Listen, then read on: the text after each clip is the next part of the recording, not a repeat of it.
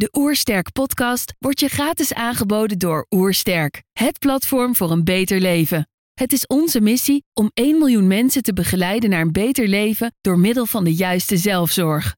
Wil je weten hoe jij kunt werken aan een beter leven? Ga dan naar www.oersterk.nu gezondheidscheck voor onze gratis gezondheidscheck en krijg direct jouw uitslag met persoonlijk advies. Mijn naam is Christine Pannenbakker. Mijn naam is Robert Bridgman en je luistert naar de Oersterk podcast.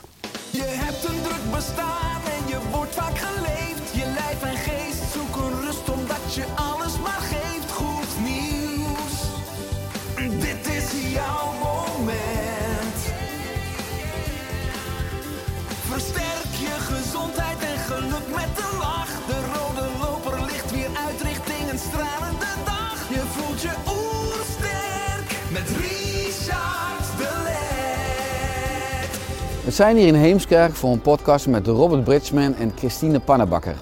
Robert is transformatiecoach, opleider en spreker. Christine is schrijfster en journaliste. Samen zijn ze auteur van het boek Trauma. Je bent gek als je het niet hebt. Ik ben benieuwd naar hun tips voor een beter leven. Trouwens, geniet je van onze podcast? Abonneer je dan en laat een reactie of review achter. Zo help je ons om het gezondheidsvirus te verspreiden. Let's start! De Oersterk Podcast. Een ontdekkingstocht naar een beter leven. Christine en Robert, welkom. Dankjewel. Dankjewel. Op de pagina over het boek op jullie website staat... Hij specialiseerde zich in traumawerk, leidde honderden transformatiecoaches op... en hielp duizenden mensen om door hun blokkades heen te breken. Zij geloofde dat ze geen trauma had, omdat dat is voorbehouden aan de mensen die echt iets hebben meegemaakt. De mensen in oorlogsgebieden die ze bezocht, de slachtoffers van aardbevingen. Tot hij tegen haar zei: Je bent gek als je geen trauma hebt. Samen schreven ze dit boek. Hoe was het om samen dit boek te schrijven? Ja, ik vond het echt fantastisch. Ik dacht eigenlijk dat ik dat niet zou kunnen, samen een boek schrijven. Want ja, zeker als twee eigenwijze mensen die het idee hebben van nou, op deze manier gaan we het doen.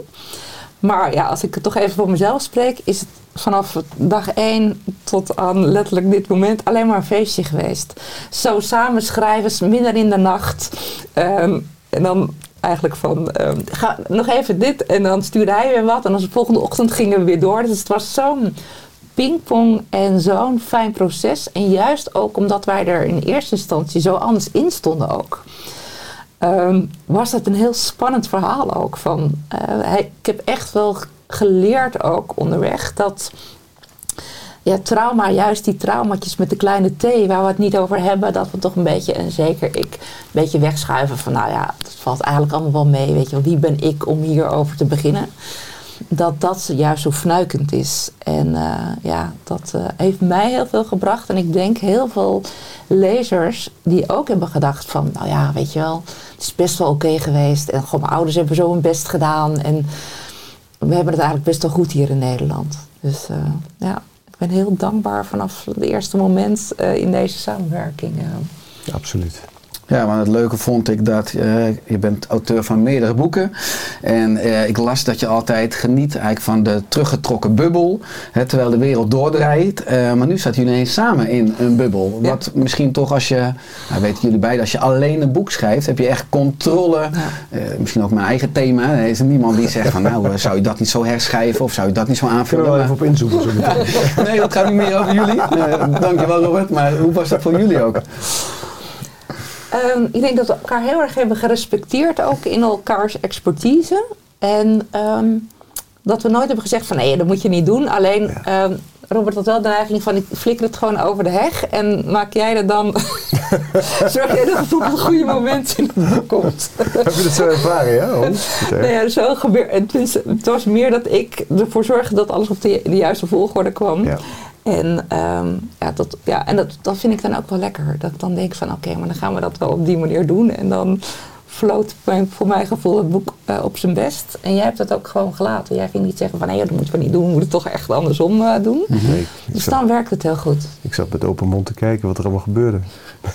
Was het leuk voor jou ook om eh, die, Ja, die fantastisch. dynamiek?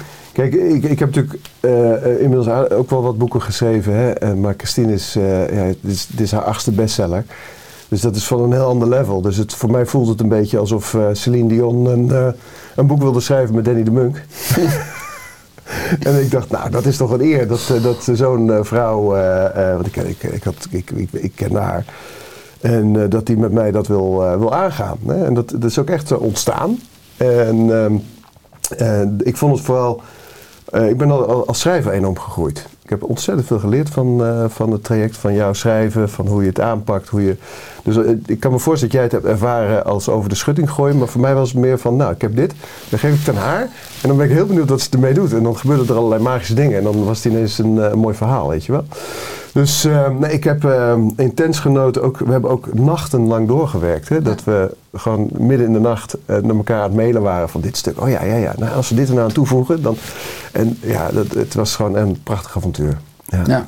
Ja, en ik heb ook heel veel geleerd in die zin ook van, ehm, van dat trauma op alle lagen zit bijvoorbeeld. Weet je, ik denk dan toch heel snel ook als journalistieke achtergrond, zo, dat het mentaal zit en dat ook nog in je li- lichaam zit, maar dat het ook nog gewoon verder gaat eh, dan dat. En dat we altijd zijn verbonden met de bron. En ehm, en op een gegeven moment was ik dan aan het mediteren met een eh, meditatie van, eh, van Robert. En ik zat op de bank in Kastelen bij mijn vriendin. Ik was aan het mediteren en ineens dacht ik van... We zijn alles, weet je, we zijn gewoon de bron. En ik weet dat ik haar de slaapkamer binnenholde en ik zei, we zijn alles. En zij van, ja, dat wil ik ook. Dat gevoel van, eh, het heeft mij zoveel gebracht ook en zo mijn blik zoveel breder gemaakt ook. Dus ja, ik ben echt elke dag dankbaar voor, eh, ook in die zin voor de samenwerking. ehm. Ja. Mooi, ja, ik vind het een fantastisch boek. Ik vind het ook een essentieel onderwerp, trauma. Ik ben blij dat we daar in deze podcast eh, wat dieper op in kunnen duiken. Puur al als je de tekst leest op de achterkant van het boek, hè, vind ik een schitterende opening. Ik denk voor veel lezers en kijkers herkenbaar. Er staat, hè, je doet alles volgens het boekje om je fit en prettig te voelen. Het leven is tenslotte iets moois. Je sport en beweegt, eh, eet relatief gezond, hebt leuk werk, je gaat op tijd naar bed en hebt een rijk sociaal leven. Je kan bijna zeggen een oersterk leven. Ja. Alle voorwaarden voor een gelukkig leven zijn er. Toch knaagt er iets van binnen. Waar komen die sombere momenten steeds weer vandaan? Wat maakt dat je in kleinere of grotere mate verslaafd bent aan lekkers dat niet per se goed voor je is? Wat zorgt ervoor dat je soms zo kinderachtig kunt reageren en emotionele onbalans ervaart? Waarom toch steeds die bewijsdrang? Waar komen die onbestemde, onzekere gevoelens vandaan? En wat is dat diepe gevoel van leegte dat op moeilijke momenten naar boven komt?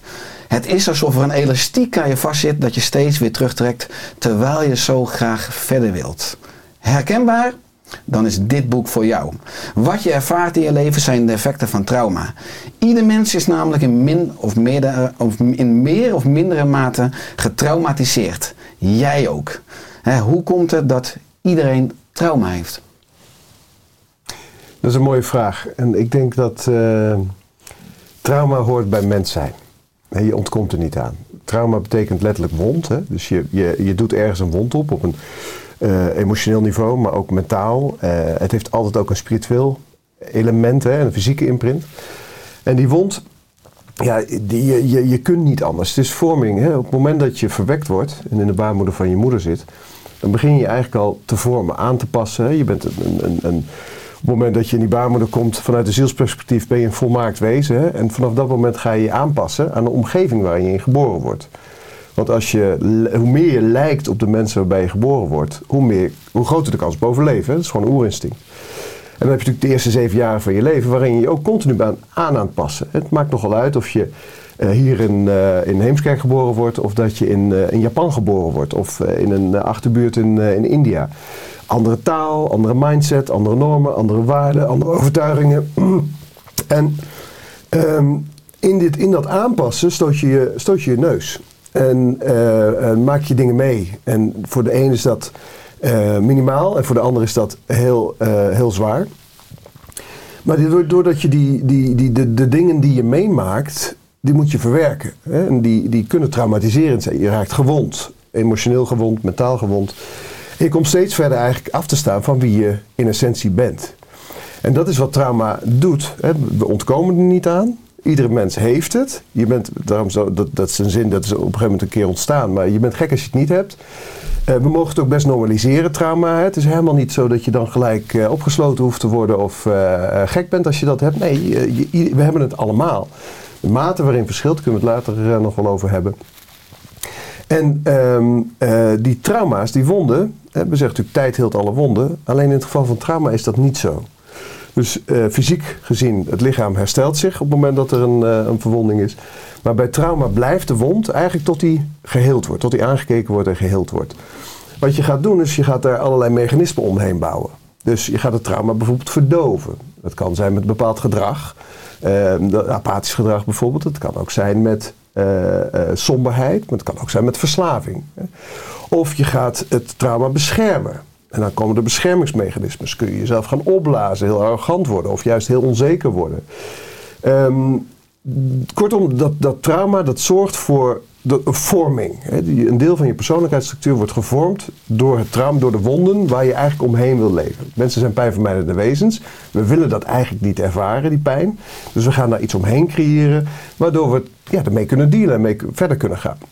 Nou, in, in het geval van heel zwaar trauma, eh, bijvoorbeeld zwaar seksueel misbruik, eh, oorlogstrauma, dan kan het zijn dat je, dat je gewoon een deel van je persoonlijkheid afsplitst. Hè, en dat, dat je eh, ja, een, een, een, echt letterlijk meerdere personen in, je, in jezelf wordt. Alleen de meeste mensen hebben dat niet.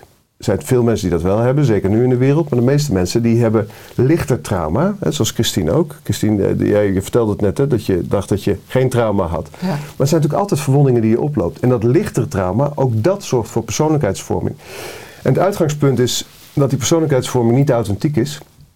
Maar dat, je, eh, dat het aanpassingsgedrag is. En op het moment dat je dus die trauma's oplost. En daarmee de wortel van gedrag, verslaving, angst eh, oplost. Dan eh, kun je terug naar eh, wie je was toen je verwekt werd. Hè? Dus dichter terug naar, naar, je, naar je zielsinstelling. En meer jezelf zijn. Ja. Nou, dan zijn misschien ook wel luisteraars of kijkers die nog steeds denken of van, ja, ik heb geen trauma. Hè. Ik weet niet per se of, of het zijn heel veel over mensen mij die dat gaat. denken. Ja. Natuurlijk kan je afvragen, hoe weet je nou, of je zelf trauma hebt, hè, Christine? Ik las bij jou ook dat je zei van het is de missing link tussen het melodietje van je lekker voelen en de grondtoon van diep geworteld geluk. Heel veel mensen hebben soms ook het gevoel dat er iets mist of dat er iets ontbreekt. Is dan ook dat degene waar je dan op doelt? Ja, en ook eh, als je merkt dat je wordt getriggerd steeds op datzelfde punt, dan weet je dat eronder zit dus iets. En bij mij was dat bijvoorbeeld heel erg ehm, schuldgevoel. Van, dat was iets wat. Ik had heel snel schuldgevoel, maar er hoefde ook maar iets te gebeuren. Of ik, had echt, ik werd getriggerd, of ik ging me verdedigen, of zeggen van ja, maar nou, of een heel pleasend gedrag vertonen. En als je daar eh, echt naar gaat kijken, dan denk je van oké, weet je, waarom is dat zo? Waarom ging ik me bijvoorbeeld verdedigen? En ehm, de alchemisten zeggen ook heel mooi van genezing ligt in het bloed van de wond. En dat is heel erg Mm, ook mooi. dit verhaal natuurlijk van, goh, je hebt een wondje en je doet lekker je bloesje eroverheen en je ziet het niet, maar iemand stoot er tegenaan, opnieuw en opnieuw en opnieuw. En het gaat gewoon eh, schuren. En op een gegeven moment is het wel goed om dan te gaan zeggen van, oké, ik stroop het op en ik haal dat, eh, eh, die pleister af en ik ga eens kijken van, ehm, kan ik die wond echt gaan genezen? En eh, ja, ik denk dat dat enorm veel oplevert. En dat dat ook echt zorgt voor dat elastiekje dat je doorknipt. Van iedere keer je denkt, ik ben er bijna. En dat je toch weer weer teruggetrokken. Maar hey, als je echt daarna gaat kijken van wat gebeurt er dan? eh, ja. Ja, het boeiende was dat ik ook een beetje bijna het gevoel kreeg dat ik het boek las, eh, wat fantastisch opgebouwd is, van je kan bijna dankbaar zijn dat je trauma's hebt. Hè? Want er is ook een stukje in het boek dat staat, eh, iedereen heeft trauma. Eh, dat is de reden waarom je op aarde bent. Niemand is traumavrij opgevoed en niemand kan zijn kinderen traumavrij opvoeden. Het goede nieuws is, dubbele punten, trauma is de poort naar innerlijke vrijheid. Voilà. Hoe precies? Nou ja, kijk, ik ga er altijd vanuit dat je vanuit een zielsperspectief bekeken. Je, hebt, je komt op aarde met karma, je hebt eerder dingen meegemaakt. Je, vanuit een voorouderlijk perspectief bekeken, dat heet transgenerationeel trauma. Je wordt geboren in een familiestructuur, daar is trauma. Zeker in het Westen, maar eigenlijk over de hele wereld. Er zijn oorlogen die kort geleden gebeurd zijn, waar grootouders of ouders mee te maken hebben gehad. De, die, de trauma's daarin die niet opgelost zijn, die worden doorgegeven naar de volgende generaties. Nou, daar is inmiddels ook heel veel wetenschappelijke onderbouwing eh, voor. En ehm, wat er gebeurt in je jeugd is dat die trauma's, die komen terug. Ik noem dat karmische wonden. Dat is voor mij ook een, een, benaming voor trauma, karmische wonden. Dus die openen zich in de jeugd door de dingen die je meemaakt.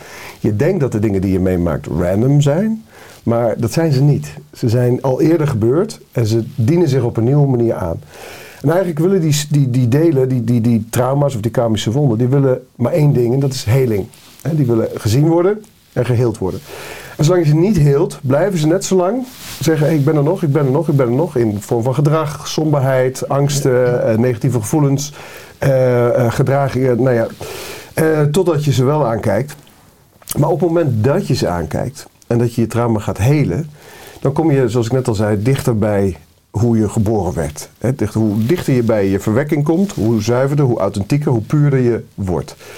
En eh, wat je dan merkt bij mensen, en ik heb dat de afgelopen 15 jaar bij, eh, bij mijn cliënten zien gebeuren en ook bij mezelf, ehm, dat je eh, hoe meer trauma je heelt, en het moet ook geen verslaving worden, hè, maar hoe meer trauma je heelt in jezelf, hoe meer je ziel als het ware ruimte heeft om door je heen te komen. Dus hoe meer je weer wordt wie je was toen je kind was. En hoe meer je je echte verlangens weer gaat voelen. Niet je geconditioneerde verlangens, ik kan er zo wel een voorbeeld over geven, maar je echte verlangens. Wat kom je hier doen op aarde?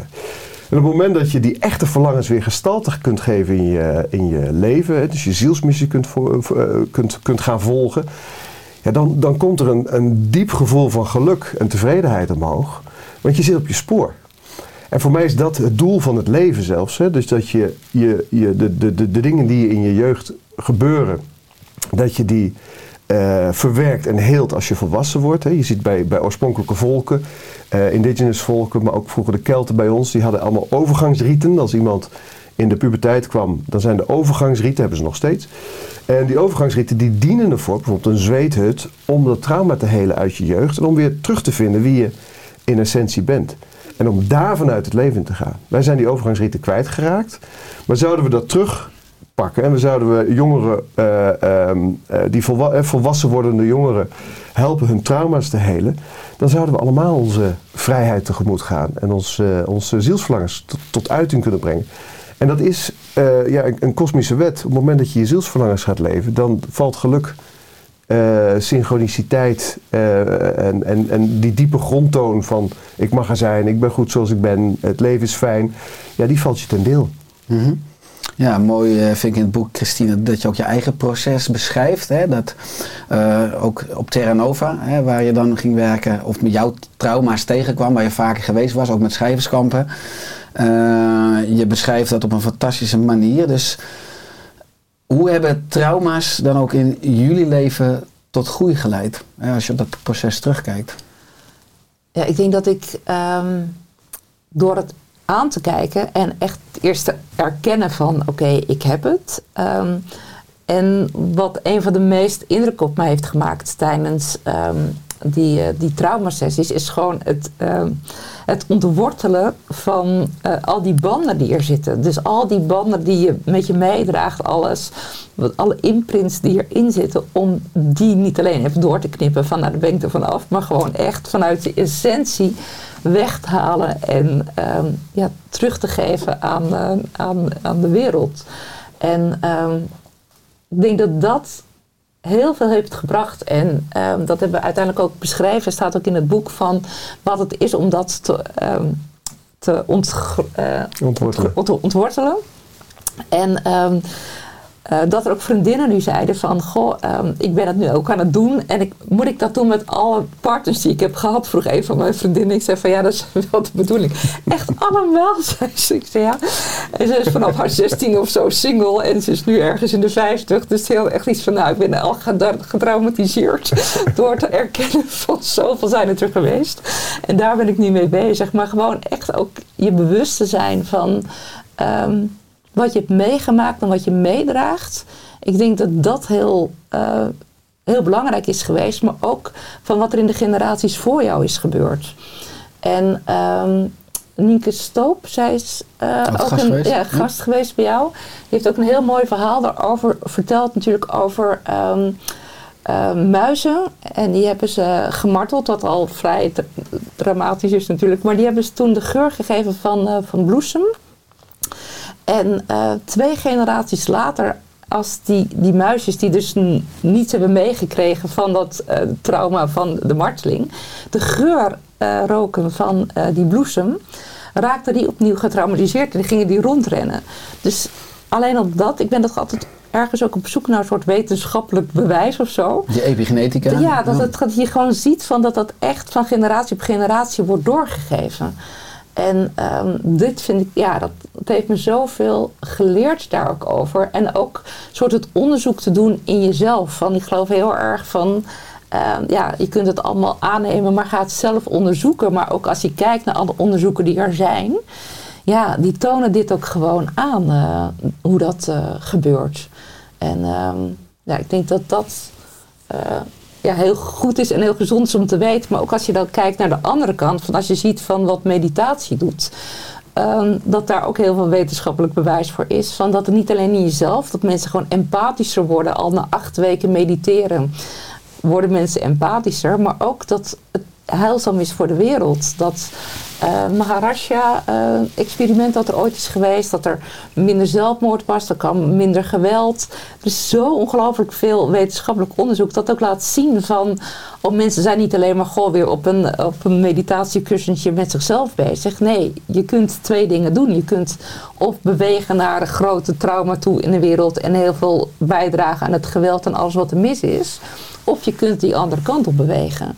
En ik denk dat dat ook gewoon heel belangrijk is om je dat te realiseren. Van, je doet het A voor jezelf, maar ik vind het ook belangrijk om het te doen voor een betere wereld. En ehm, gewoon daarmee bezig zijn en beseffen van... oké, je hebt gewoon de keuze van waar wil je aan bijdragen.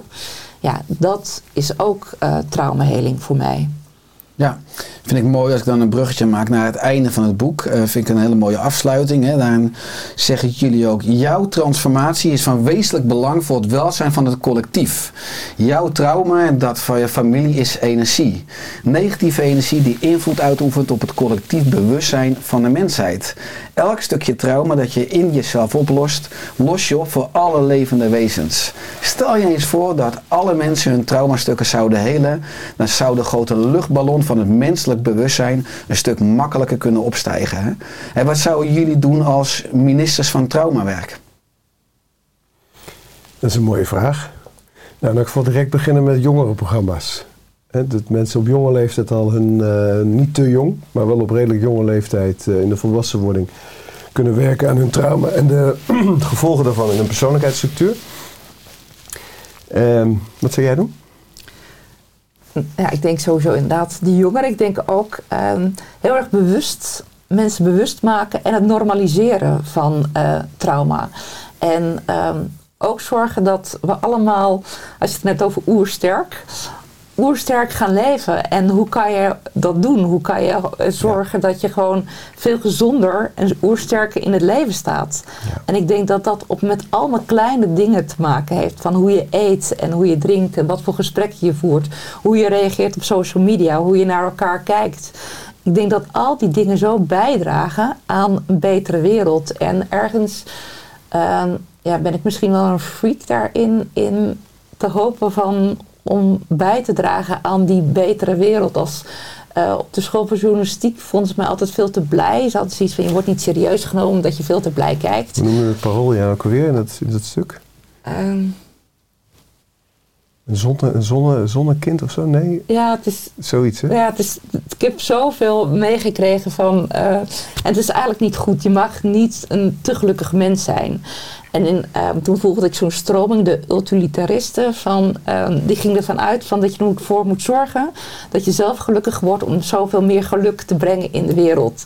En dat was uiteindelijk heel dogmatisch, maar ik geloof er nog steeds wel in van ehm, dat je voor je eigen geluk zorgt, maar daardoor mee ook voor het geluk in de wereld. En ik denk dat gelukkige mensen geen oorlogen beginnen en elkaar niet overhoop schieten. Dus je doet dat ook voor het ehm, collectief. En ehm, dus als minister zou ik daar erg eh, op gaan inzetten van laten we gewoon zorgen met elkaar voor een betere samenleving. En ehm, daarnaast geloof ik ook niet dat je je ogen moet sluiten. Er is nu een hele interessante film, The Zone of Interest. En het gaat over een soort paradijselijke wereld. Er wordt zo ingezoomd, een prachtige tuin en, en blije kindjes. En, en dan zoomen ze verder uit. En dan blijkt dat de tuin te zijn naast een vernietigingskamp. Want ja, er wonen natuurlijk zo gezinnen daarnaast. En verderop zie je dan de uitkijktoren. En ik vind het als beeld wel mooi van ehm, niet je ogen te sluiten, ook voor het leed van de wereld. En ik denk van stel je voor dat je en zorgt voor jezelf, maar dat we allemaal bijvoorbeeld één project doen waar dan je aandacht naar uitgaat. Ja, dat je op die manier ook ehm, het collectief eh, helpt. En, en wat ik daaraan toe zou voegen is, eh, ik zou ook eh, vol inzetten op wetenschappelijk onderzoek van traumahelingsmethoden. Want je hebt de afgelopen 150 jaar zijn er zo ongelooflijk veel methoden en technieken ontwikkeld die we daarvoor niet hadden om mensen te helpen met traumawerken. Traumawerk is natuurlijk iets wat past in een breder kader, waarbij je het ook hebt over gezond leven. Hè? Dus het, eigenlijk alles wat, wat je, waar jij voor staat in het oersterconcept. En maar, waar het ook gaat over meditatie, bewustwording, zelfbewustzijn. Hè? Het is niet een ding op zich. Het is een, ik zeg altijd, meditatie en transformatie gaan hand in hand. En dat, dat, dat, dat om, omring je met leefstijl. Met leefstijl. En ehm, dus eigenlijk bewustwording en traumaheling zijn heel belangrijk. Op dit moment, ik, ik werk veel samen met uh, psychiaters en psychologen. En wat we zien is dat er, uh, als je kijkt naar de evidence-based methode die ze mogen gebruiken, dat het heel beperkt is.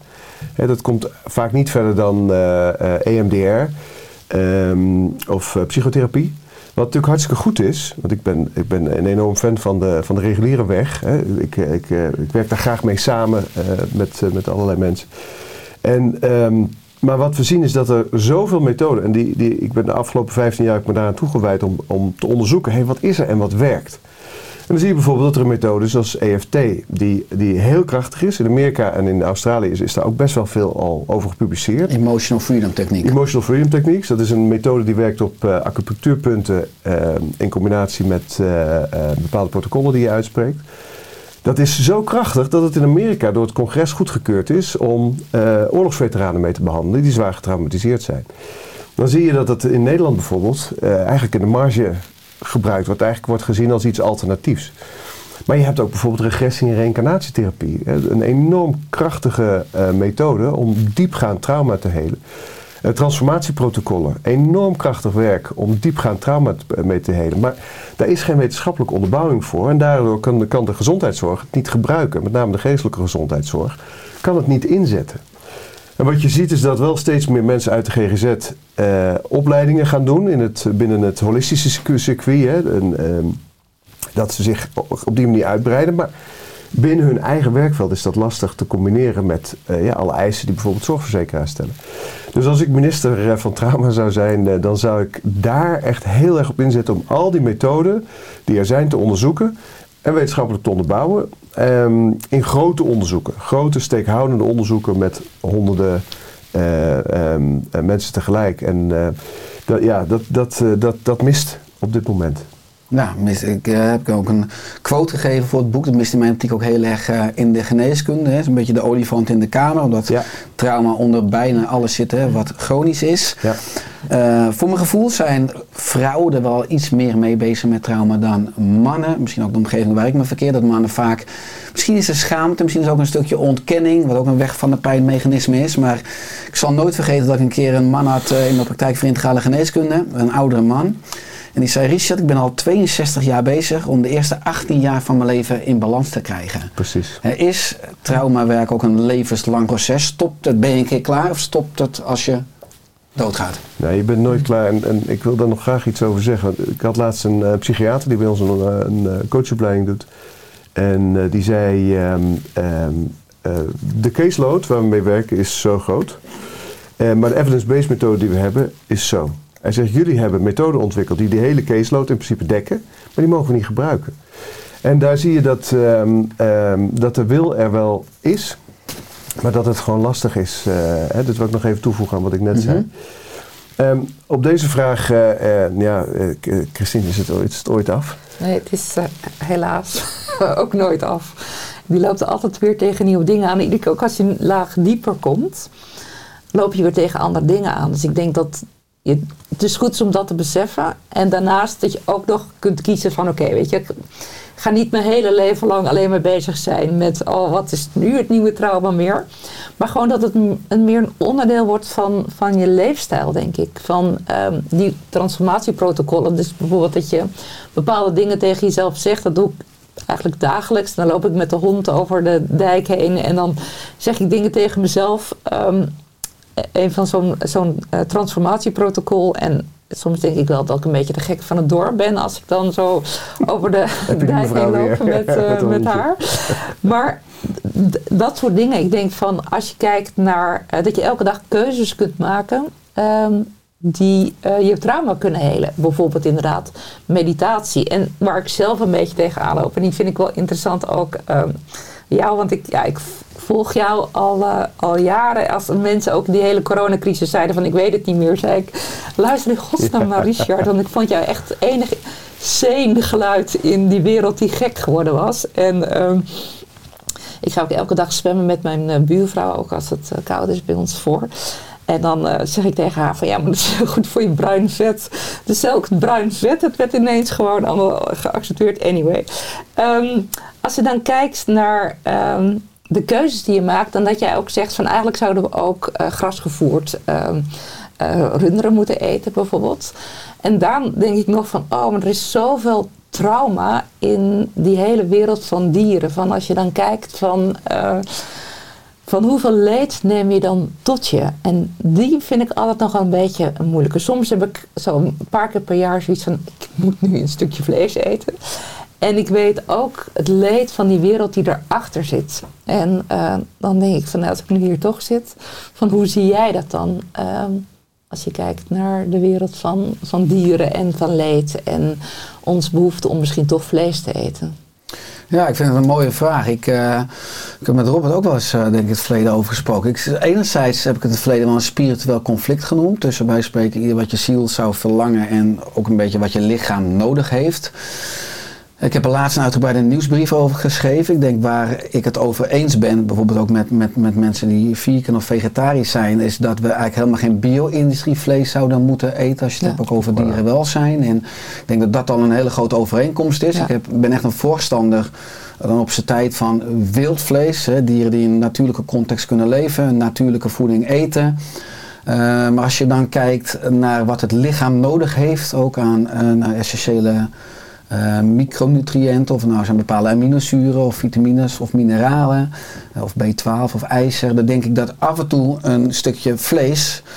Ik ben af en toe ook ermee aan het spelen op basis van mijn boek Ziels Gelukkig is Kent Gezond. Hè, dat de dood niet bestaat. Dat vinden vegans en vegetarische mensen altijd een gevaarlijke afslag. Maar vanuit er is alleen maar transformatie. Hè. Als ik sterf en ik word begraven, dan word ik ook weer onderdeel van de appel en de perenboom en de bloesem. En dus eh, dat is niet een eh, legitiem argument om zonder eh wroeging zomaar een dier dood te kunnen maken. Maar wat ik zelf ervaren heb, ook toen ik elf dagen als oermens leed in de Spaanse Pyreneeën, waar ik voor het eerst mijn eerste kip moest slachten, mijn eerste konijn, mijn eerste eend.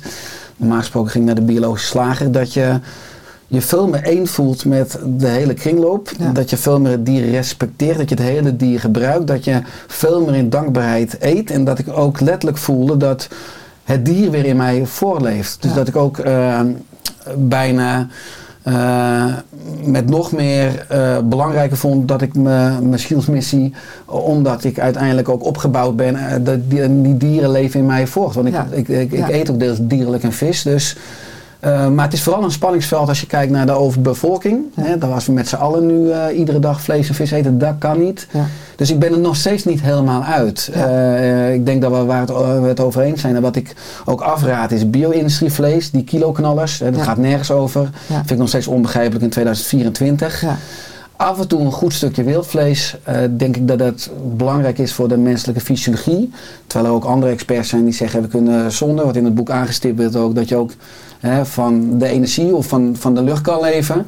Lijkt me ook een keer een eh, interessante podcastgast. Ik weet als kind dan ehm, een oom van mij die, ehm, die had dan allemaal koeien. En op een gegeven moment zei mijn nichtje van zullen we even naar hem toe gaan. En we liepen naar hem toe en hij had in, bij dat weiland een soort stalletje staan. En er stond de koe en die schoot hij door zijn hoofd en die koe die knalde om. Alleen dat, Dat is ook geluid dat was traumatiserend voor een kindje. voor een kind. Maar. En nu denk ik achteraf wel van, eh, voor de koe was het aan zich niet prettig. Maar wel van, die liep net daarvoor nog in die wei. Die hoefde er niet ehm, op transport.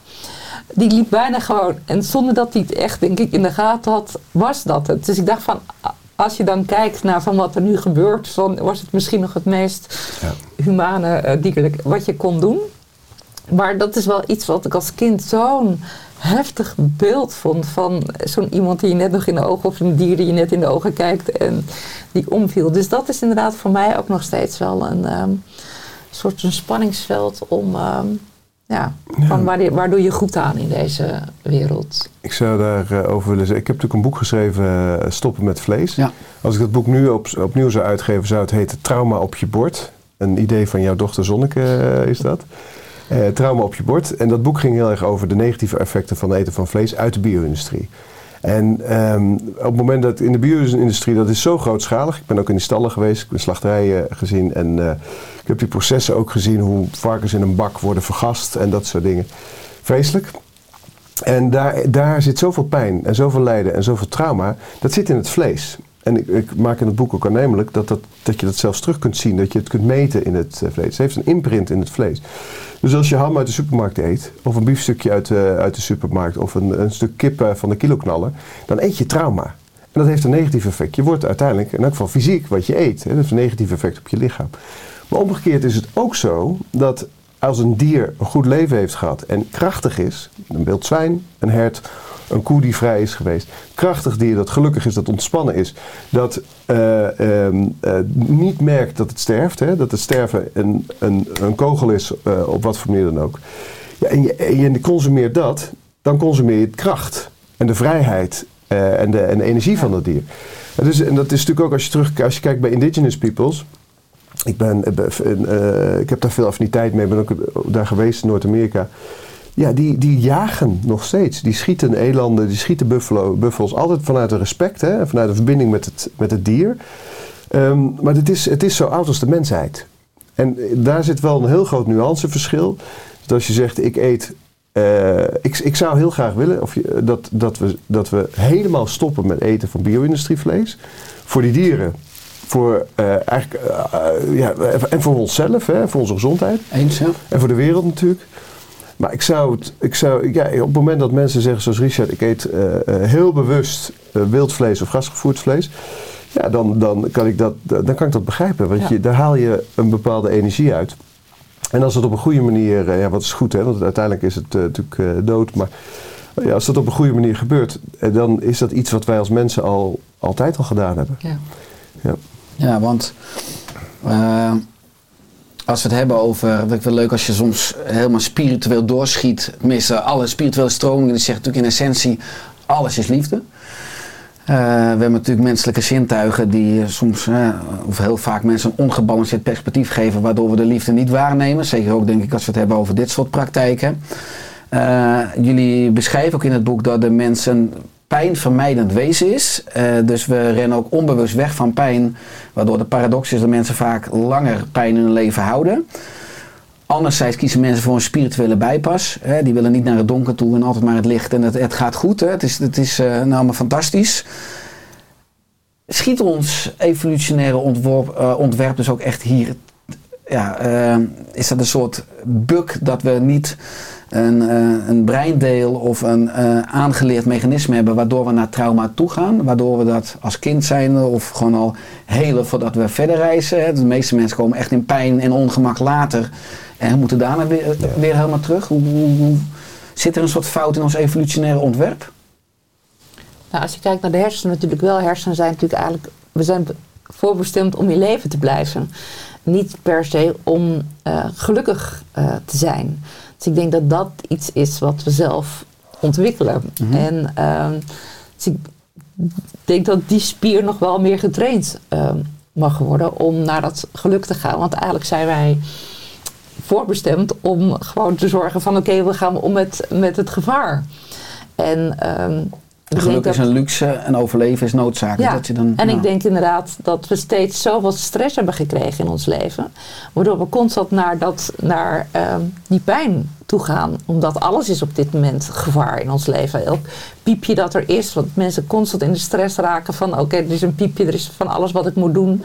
En ehm, het, is, het is nooit genoeg. Eh, Dat gevoel van rupsje nooit gevoel, genoeg die de hele dag in je nek eh, hangt.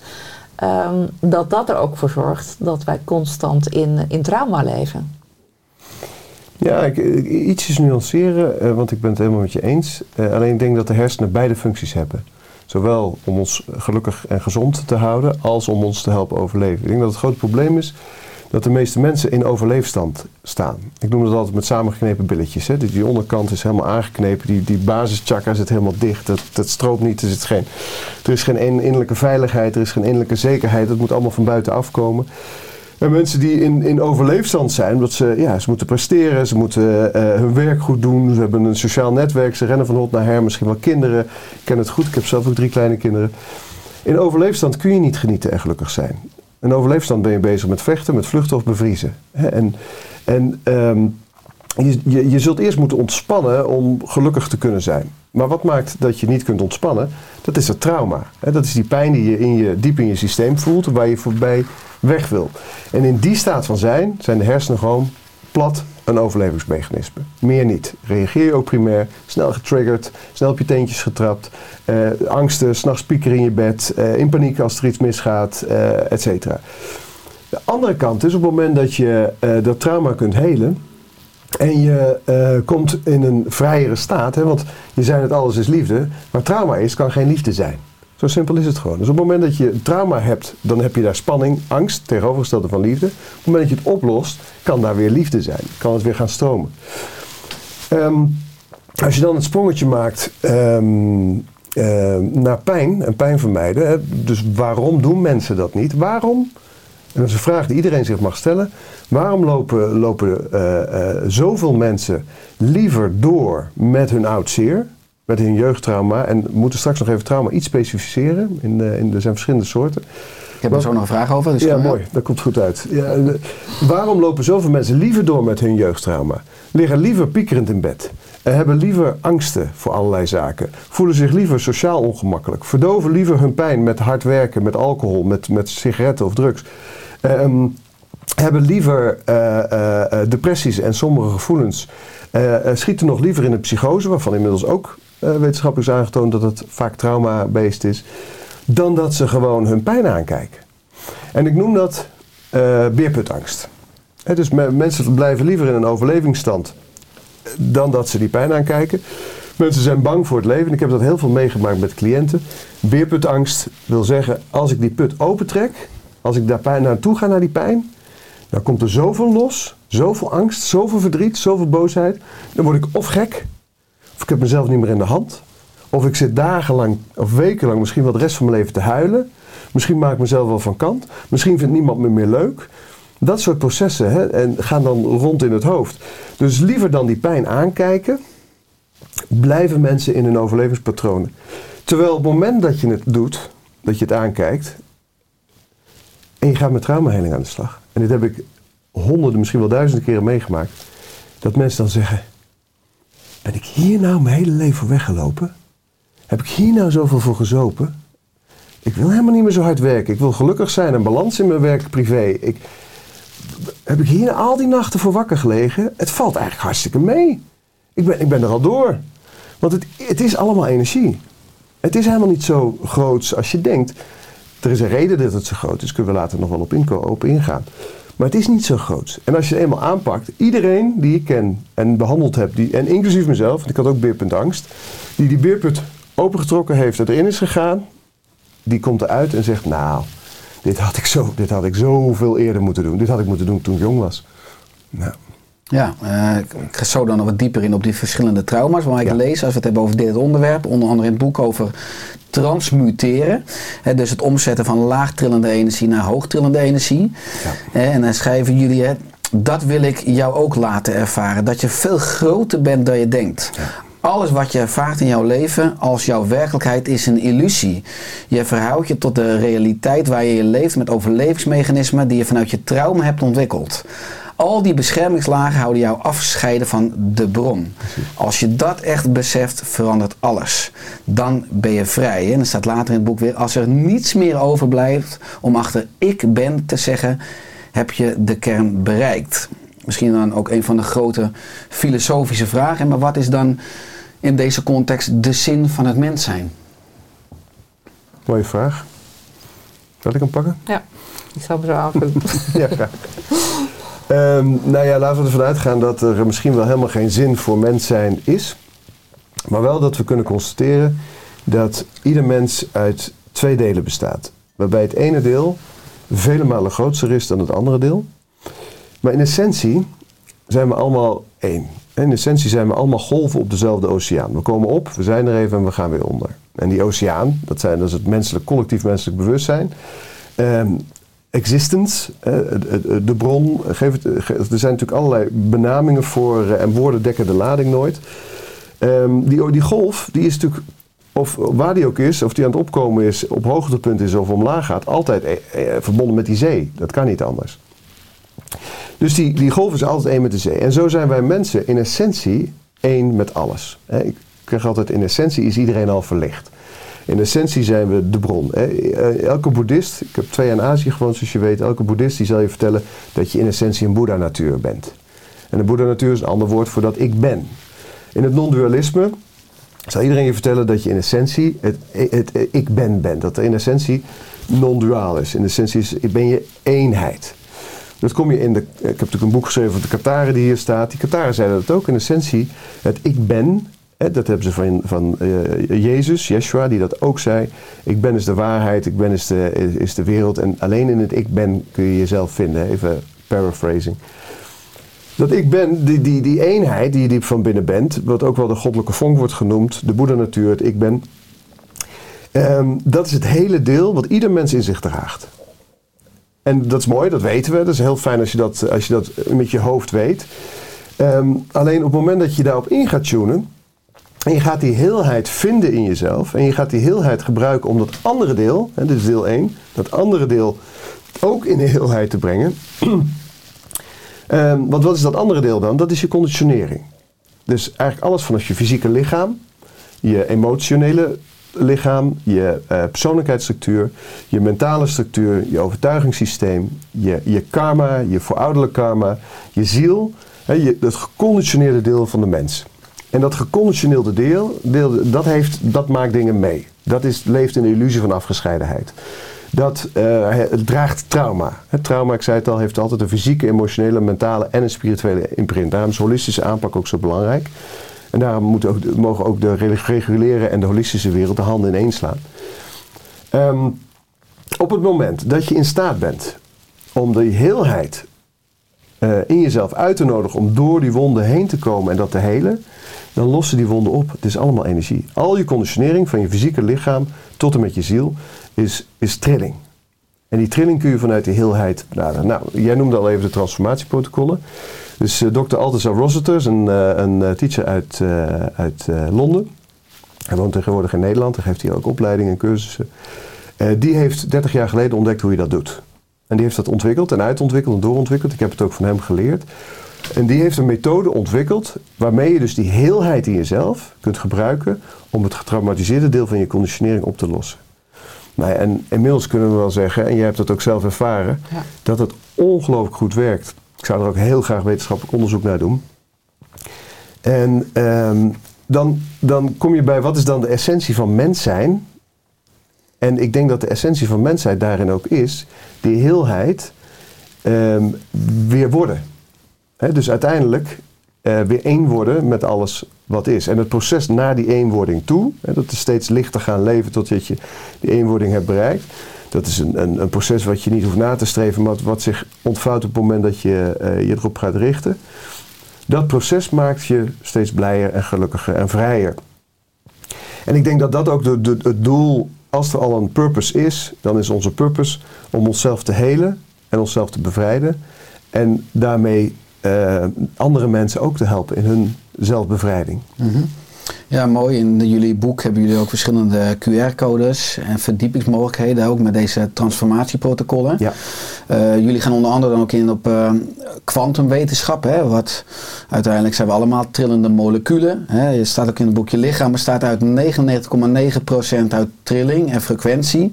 Als je alle massa van alle lichamen van alle mensen op deze planeet comprimeert, dan hou je één suikerklontje aan massa over. Nou, dat is voor ons brein amper natuurlijk te bevatten. Hè, dat is wetenschappelijk onderzoek, hè, geen geheim.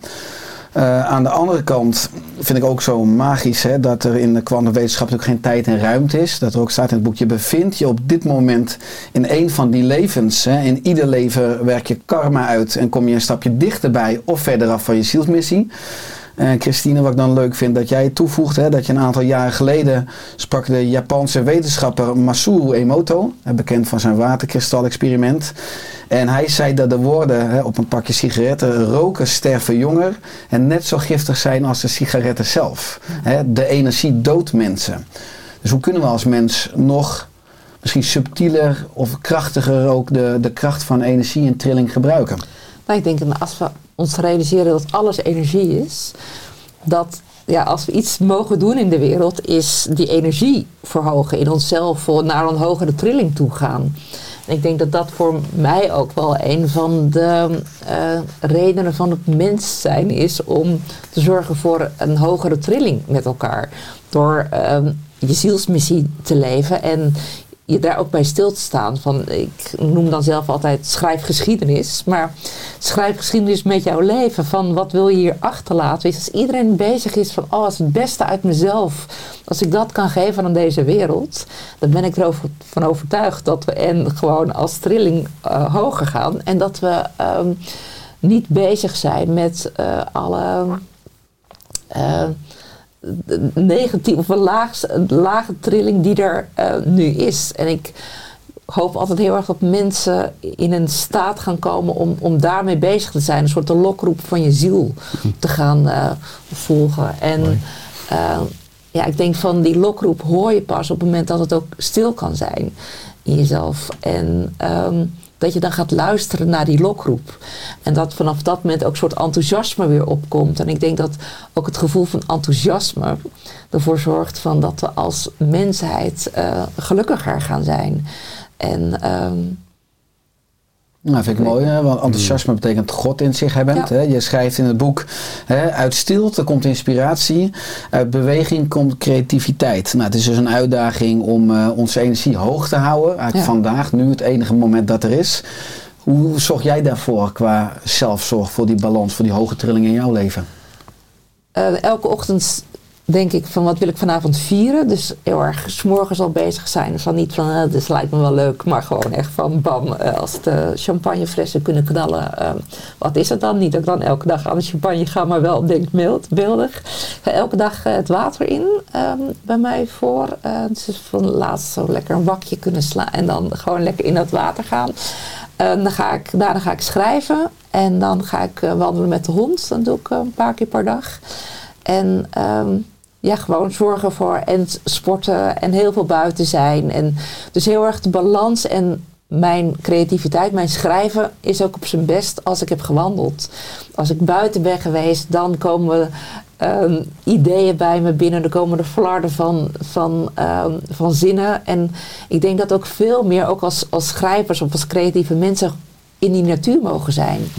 En dat mensen schrijven ook niet alleen maar is dat je achter je computer zit en denkt van oh god, het is allemaal zwaar, het is het moeilijk en ik moet als kunstenaar rokend eh, en vloekend door het leven gaan. Nee, juist van ga gewoon naar buiten toe en, en leven en gebruik ook de he- het hele leven om in je creativiteit eh, te verwerken. Eh, ja, ik denk dat dat gewoon heel belangrijk is om, om dat te doen. En daarin eh, weerstand in jezelf op te zoeken, maar ook gewoon die flow van het leven. En voor mij is wonen aan het water daarin echt heel belangrijk. Want als ik zie hoe dat water stroomt, dat dat kan doorkliefd worden door een, door een boot, maar dat water blijft intact. En ehm, kan allemaal verschillende vormen aannemen. Dat kan inderdaad bevriezen en dat kan opstijgen, maar dat blijft stromen. En ja, ik vind. eh, eh, wie was dat ook weer die zei van Be Like Water? Eh, eh, een of andere Bruce Lee. Bruce Lee. ik wou zeggen, een of andere kung fu man. Bruce Lee. Ja, die vind ik heel mooi. Ja, die herken, daar herken ik me heel erg in. Ja, want je, ze hebt Zonneke, een dochter van 21 jaar. Robert, jij hebt drie eh, jonge kinderen. Hoe doe jij dat qua hoge trilling, zelfzorg? Nou, weet je wat het is? Ik probeer vooral eh, intens te genieten van het leven en gewoon mens te zijn. Met alle ups en downs die daarbij horen. Ik ga er altijd vanuit dat wij niet, niet, geen mensen zijn die zo spiritueel mogelijk proberen te doen, maar dat we spirituele wezens zijn die hier een menselijke ervaring komen halen. Dus ik zoek de spiritualiteit het, vooral in het mens zijn. Ehm, en dat begint al s ochtends met wakker worden en eh, ontbijt maken voor mijn kinderen. Ze zijn 6, 9 en 11 op dit moment. Drie jongens heb ik samen met Monique. En, ehm, eh, maar eh, ik wil ook eh, ehm, genieten van de plek waar ik woon. Ik woon inmiddels in Spanje. Ik heb een fijne plek gevonden. Eh, we, we, genieten daar. Ik wil graag genieten van de boeken die ik schrijf. Ik wil graag genieten van eh, de onderneming die we in Nederland hebben, Bridgman Academy. Ik wil graag genieten van mijn vrienden, van mijn familieleden, van mensen, van, van dynamiek, van creatie. En daar, de, voor mij is, spirituele beoefening een, een, een, een manier om daarmee, om, om dat mogelijk te maken. Dus ik mediteer. Eh, niet meer dagelijks. Heb ik heel lang heel intensief gedaan eh, eh, dagelijks. Maar ik mediteer wel regelmatig. Ik beoefen yoga. Ik train wel een aantal keer per week. Ik heb een gym achter mijn huis gemaakt. En daar, daar sta ik meerdere keren per week fors mezelf uit elkaar te trekken. Ik heb een hele goede personal trainer gelukkig. Ehm, ik, eh, maar, maar dus ik, ik doe allerlei dingen. Ik, ik let op wat ik eet en eh, eh, ik let op dat ik goed slaap. En ik, zorg goed voor mezelf. Alleen wat ik zeg, ik probeer. Vroeger vond ik de spiritualiteit in de informele, in de formele beoefening. Dus ik zat elke dag anderhalf uur yoga, meditatie, ademhaling. Heb, ik- heb ik meer dan tien jaar volgehouden. Ehm, en nu zoek ik het meer in het dagelijks leven. En op het moment dat. Ik ben ook niet bezig met elk trauma. Ik zit nog vol trauma. Hè. Dus vergeleken bij hoe het was 15 jaar geleden. Is het echt een opklaring waar je u tegen zegt. eh, er zijn nog wel foto's van mij van vroeger. Een opgeblazen kikker. Eh ben ik nog steeds wel een beetje. En, eh, ehm, maar nu weet ik het van mezelf. Dat is wel een groot verschil. Ehm, tussen toen en nu is een groot verschil. Maar ik, ik ben work in progress. Er is nog ontzettend veel winst te halen in dit, in dit fysiek, emotioneel, mentaal, spiritueel wezen wat er voor je zit. Ehm, alleen ik hoef niet elk trauma direct op te lossen. En veel dingen zijn gewoon zoals ze zijn. Dus als ik, ik mijn tekortkomingen, mijn, eh, eh, eh, mijn, mijn eh, gedrag wat, wat niet helemaal lekker is, mijn saboteurs. Ja, ik heb ze wel in de peiling, maar ze hoeven niet direct weg. Hè?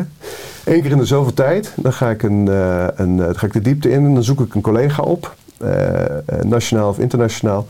En dan ga ik eens even lekker mezelf door de mangel halen. En dan ga ik of een week of een sessie een laatste maand in India geweest. En dan ga ik er even vol in. Goed opschonen, alles wat ik eh, tegen ben gekomen, eh, ga ik eh, vol in. Ook op, op, ben ik nog op pad? Hoe zit het diep van binnen? Leef ik nog vanuit mijn zielsmissie? Waar heeft mijn ego het overgenomen? Even terug helemaal in mezelf. En dan ga ik het leven weer in. Hè, dus dus de, de, ehm, voor mij is de, de, de beoefening is een informeel verhaal geworden. Wat eigenlijk alles wat ik doe, doordringt. Waarbij geluk heel fijn is, maar ongeluk ook. Ja. En, mooi. Mooi. en ik denk, wat, wat jij zegt, dat het bijna een soort vrouwen dat bijna als van nature doen. Gewoon door kinderen te baren, door inderdaad die boterhammen te smeren, daar keuzes in te maken, eh, met ze naar school te gaan. Dus heel erg het leven, leven en eh, ja, daarin de diepte van het leven zien. Ik denk dat dat heel mooi is, ja. Zo hoop voor mensen die luisteren of kijken die zeggen: Ja, maar ik ben druk, ik heb geen tijd om te mediteren en yoga. Dat hoeft ook niet, want doe het gewoon in, eh, in de kunst van alle dag, alles wat je met, met Ja, aandacht doet. En waar je En bent. waar je de kans hebt om wel meditatie te beoefenen of hè, je te doe het. Maar het moet natuurlijk ook niet weer een, een verplichting worden. Ja. ja, mooi. De titel hè, van het boek is Trauma. Ik zou er nog even op terugkomen. Hè. Er staat ook een stukje in het boek. De trauma's in de baarmoeder, bij geboorte, drie jaar en tien jaar. Het zijn allemaal innerlijke kindstukken. Een kindstuk ontstaat als een kindje even geen liefde ervaart. Of erger, het tegenovergestelde van liefde ervaart. Dan blijft een deel van jou in dat leeftijdsbewustzijn steken. En dan voor mij eh, zijn er het verschil tussen procestrauma's en impacttrauma's. Die ook een hele andere impact hebben op het zenuwstelsel. Misschien daar nou nog een stukje op ingaan. Absoluut. Ja, die kindstukken, dat is één. Hè. Dat is nee, een heel mooi onderwerp aan. Dat hebben we allemaal. Zitten we er vol mee. Ik heb er ook nog zat in mezelf. En ik zie er bij Christine nog wel een paar zitten. Eh, nee, dat is flauw. Ehm, Fijn dat je mij niet benoemt in Ja, nee, ik denk, ik, ik moet jou te vriend houden. Nee, ja. Eh, jij stelt de vragen. Eh Christine kan wel wat hebben van me. Ja, tuurlijk. Eh, we hebben zelf wel meegemaakt inmiddels. Nee, het is, eh, we hebben dat allemaal. En, en eh, als je iets meemaakt, je bent in de baarmoeder, of je bent 1, 2, 3, 4, 5, 6, 7, ehm, misschien ook 12. En je maakt iets mee, een moment waarin je geen liefde ervaart. Of het tegenovergestelde van liefde, hè, angst, woede, agressie, eh, misbruik.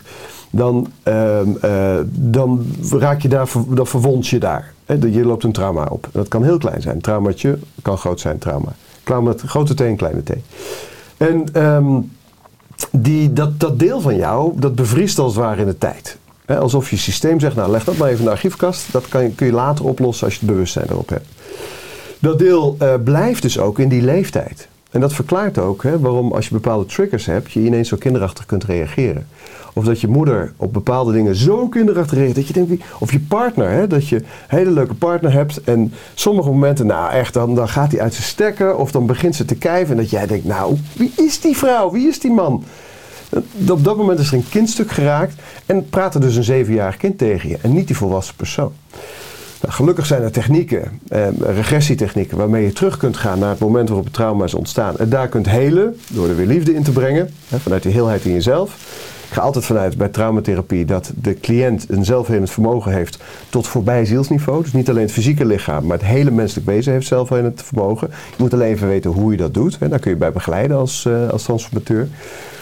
Die, die liefde komt er in dat stuk. Dat stuk heelt. Nou, daar zijn hele procedures voor. En vervolgens neem je dat stuk mee naar de volwassenheid. En op die manier kun je innerlijke kindstukken, met de trauma's die daaronder liggen, kun je heel mooi helen. Waardoor dus ook de triggers in het hedendaagse leven. En ineens merk je dat je niet meer zo kinderachtig reageert als, als, als, als eh, die opmerking wordt gemaakt. Of als je je buitengesloten voelt. Of, nou ja. Dan heb je ook in de jeugd, de trauma heeft twee vormen. Jij noemde het al even, procestrauma en impacttrauma. Impacttrauma is dat trauma wat in één keer bam, die ene grote gebeurtenis. Een, een ongeluk, een verkrachting, een moord, een koe die omvalt eh, terwijl je daar eh, als eh, klein onschuldig meisje staat te kijken. Dat is impacttrauma, dat zijn op het algemeen redelijk op zichzelf staande be- gebeurtenissen. Als je erop inzoomt, zul je altijd zien dat het of transgenerationeel is of zielstechnisch karma is. En niks gebeurt voor niks in het leven. Eh, maar dat impacttrauma, dat is redelijk goed te helen en redelijk duidelijk. Vaak weten mensen dat ook wel. Oh, ik heb toen dat meegemaakt.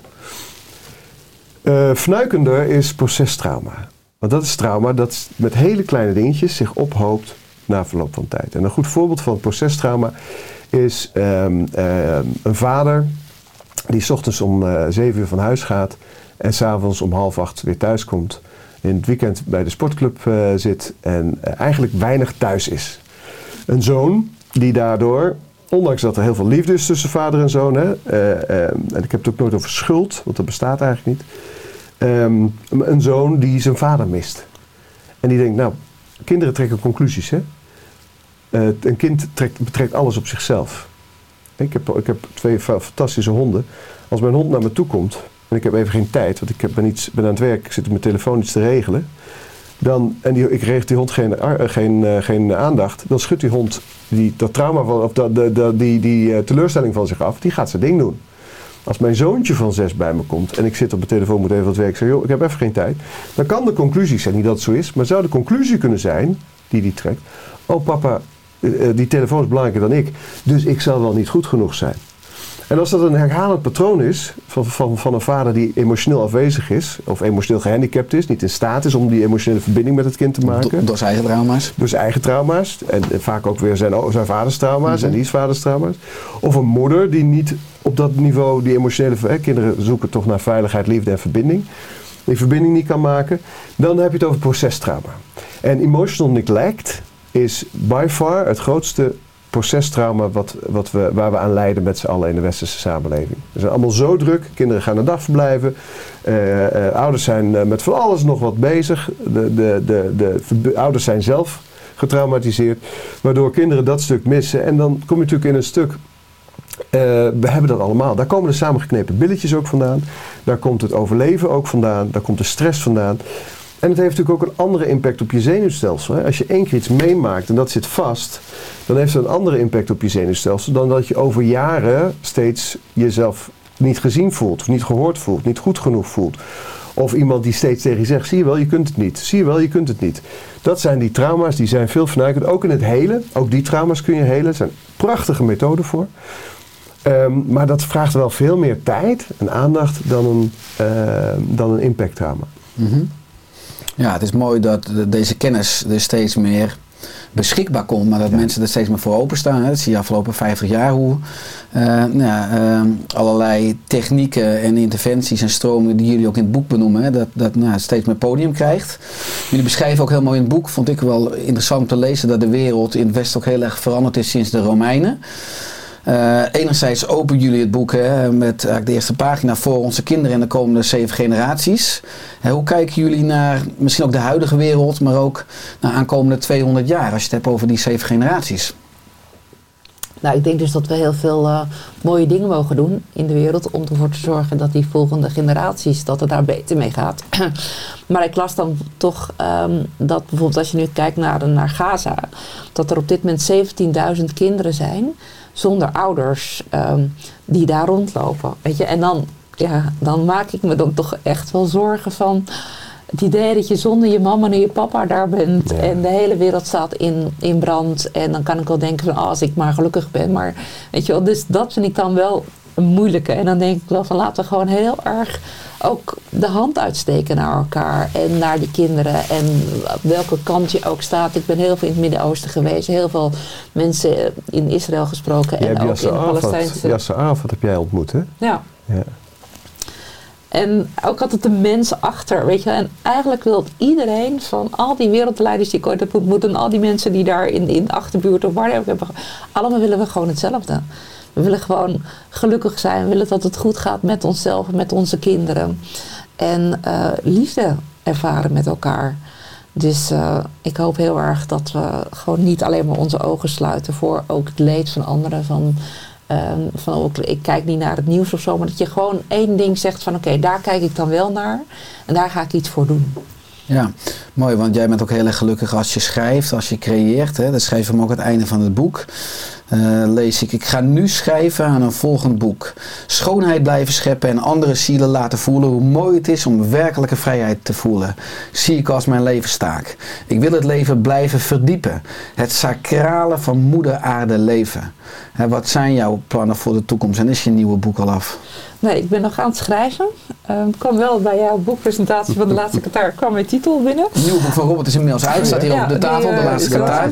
Ja, en ehm, mijn boeken gaan internationaal, dus daar ben ik mee bezig. Ik ben nu lekker nog zelf aan het schrijven en ik geniet ook heel erg van het schrijfproces. Ons boek is heel snel geschreven ook. We hadden echt gewoon in een. en, en het vond ik bijna jammer, omdat gewoon het schrijven aan zich vind ik zelf echt heel erg fijn. Ja, dus, Dus, want eh, het boek wat hier staat voor jou, Christine, De Maagd is terug, gaat onder andere naar Amerika, Ja. naar Ja. Eh, dus voor je het weet zit je bij Oprah Winfrey straks. Ik ben blij dat je hier nog wil aanschuiven. Maar Ja, ehm, ja, ik vind het gewoon heel fijn ook om, om een boodschap de wereld in te brengen. En ook het verhaal van zo'n Jeanne d'Arc. Die, eh, ik heb beschreven van wat zou ze doen als ze nu terug zou komen op deze aarde. En ehm, van, ja, als je het, hebt over trauma natuurlijk, is dat ook iemand die dat heeft meegemaakt. Maar ook die andere kant, weet je, de eervolle. En, en wat ik van haar het meest heb geleerd, is je, om je niet te verdedigen. Zij stond tegenover die jury van 13 mensen.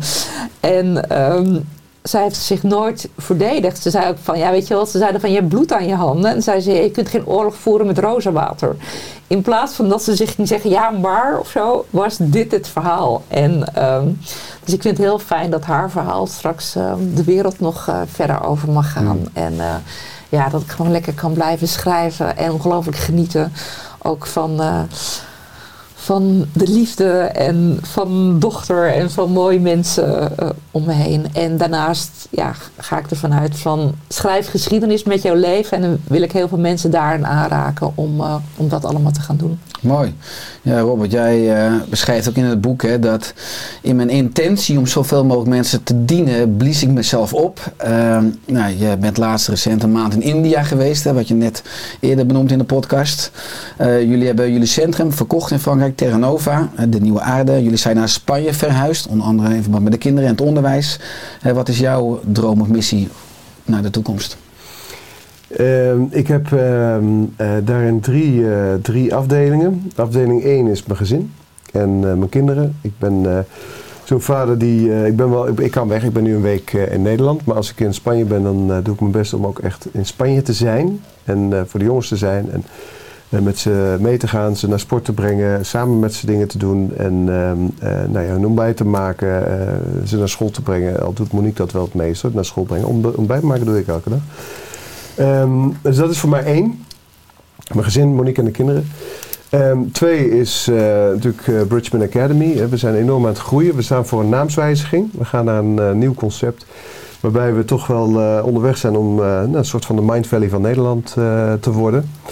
En eh, daar hebben we heel veel, steken heel veel tijd en energie in. We hebben ook een app waar ja, allerlei collega's, uh, Altes Rost eh, noemde ik al, eh, Rianne Mante, eh Roy Martina, eh Janos, ehm, binnenkort Marjolein Berends, eh, David de Kok. Eh, dus dat, dat groeit. Hè, daar, die, die, eh, daar willen we graag mooie dingen in aanbieden waar mensen zichzelf mee kunnen eh, ontwikkelen. Transformatie, bewustwording, manifestatie. En de derde, ja, dat zijn natuurlijk mijn boeken en mijn, eh, mijn eh, documentaires. En eh, nou, de laatste Qatar is net, net gelanceerd. Dat gaat, toen ik op Terra Nova in Zuid-Frankrijk woonde, vijf jaar lang, en daar traumawerk deed in ons centrum, 20 weken per jaar, dat is echt te intensief. Daar heb ik mezelf inderdaad in opgeblazen. En het was ook goed dat dat stopte. En, eh, maar ik heb elk vrij uurtje zat ik in een grotte of, in de, of op de Montsegur of in kastelen of heiligdommen van die Qatar om dat te onderzoeken. Of las ik erover. Ik was zo gefocust. Daar heb ik nu die roman over mogen schrijven, De Laatste Qatar. En ehm, nou ja, ik zou ik niet zijn als het volgende boekidee eh, eh, al klaar ligt. Ik ben bezig met een nieuwe roman. Die gaat over verloren beschavingen. Eh, over de, de oudheid. Hè. We ontdekken inmiddels dat de mens, de anatomisch moderne mens zoals wij zijn, 200.000 jaar geleden ineens op aarde was. Eh, we zien ook dat er een, een DNA-mutatie is geweest, dus wetenschap, eh, dat de aapmens ineens mens werd. Geen missing link. En we zien ook dat er beschavingen zijn. Ik, ik stond een tijdje geleden stond ik boven op een piramide in Bosnië, die, die met carbon dating, dus wetenschappelijk aangetoond, 29.000 jaar oud is. Hoe kan dat dan? Want er is 6000 jaar geschiedenis. In Turkije is een tempelcomplex eh, gevonden waar ik binnenkort naartoe ga, dat 13.000 jaar oud is. Menselijke beschaving is veel ouder dan we weten. Nou, dat onderzoek ik eigenlijk ook al 15 jaar. Ik ben een enorme onderzoeker. Ik wil alles weten eh, en, eh, en voelen en ervaren. En ehm, daar ben ik nu een roman over aan het schrijven. Maar er komt zometeen, dat, dat is pas voor 2024. Er komt zometeen nog een boek tussendoor. En dat boek heet How to Bend Your Reality. Dat is een boek wat ik schrijf met eh, eh, Roy Martina, eh, met Janos en Christine Pannenbakker. Oh, wat leuk. Ja, ja dat weet ze alleen nog Het is niet. nu, primeur. Ja. Volgens Ik gooi hem er allemaal. gewoon- Ik gooi hem er gewoon in. En dat, moet- dat mag eind van dit jaar eh, uitkomen. Dat gaat echt over manifestatie. En hoe je je realiteit kunt eh, vormgeven op een manier die bij jouw diepste zielsverlangens eh, past. Zodat je vrij kunt leven. En ook, eh, ja, we, we willen toch vooral zoveel mogelijk mensen helpen om die vrijheid in het leven te gaan eh, ervaren. En nu in Nederland, maar ook zeker in het buitenland. Mooi. Is er aan het einde van de podcast, Christine en Robert, nog iets dat jullie graag willen aanvullen of toevoegen? Nee, ik wil jou heel erg bedanken voor wie jij bent en wat jij eh, brengt in deze wereld. Want ja, daar ben ik heel erg dankbaar voor. Dankjewel. Ja, ik ook. Je bent voor mij een eh, vriend, maar ook een eh, voorbeeld in eh, passie en inspiratie. En weet je hoe je in het leven staat en wat je neerzet en wat je betekent voor mensen. En hoe je soms moet strijden om je hoofd boven water te houden met al die tegenkrachten. Maar ja, Patanjali zei al, ehm, de grote yoga-founder, die zei: ehm, hoe groter je licht, des te groter je tegenkrachten. En dat maak je mee. En ik kan dat alleen maar enorm, enorm waarderen. Dus ook ik ben dankbaar dat wij hier eh, mochten zitten vandaag en eh, dit ons verhaal mochten delen. Met liefde. Waar kunnen mensen meer vinden over jullie, over het boek, over jullie activiteiten? Op onze website. Bij mij www.christinepannenbakker.com. Mij hetzelfde, alleen dan Robert Bridgman. Christine en Robert, heel veel dank eh, wederom hè, voor eh, de komst ook in de Oerstek podcast. Dankjewel. En eh, dat we, denk ik zeker ook door middel van deze podcast, maar mogen werken aan meer uh, traumabewustzijn en nog vrijere en helende mensen. Die we uiteindelijk weer doorgeven aan de volgende generatie, onze kinderen. Dank. Goed. Dankjewel.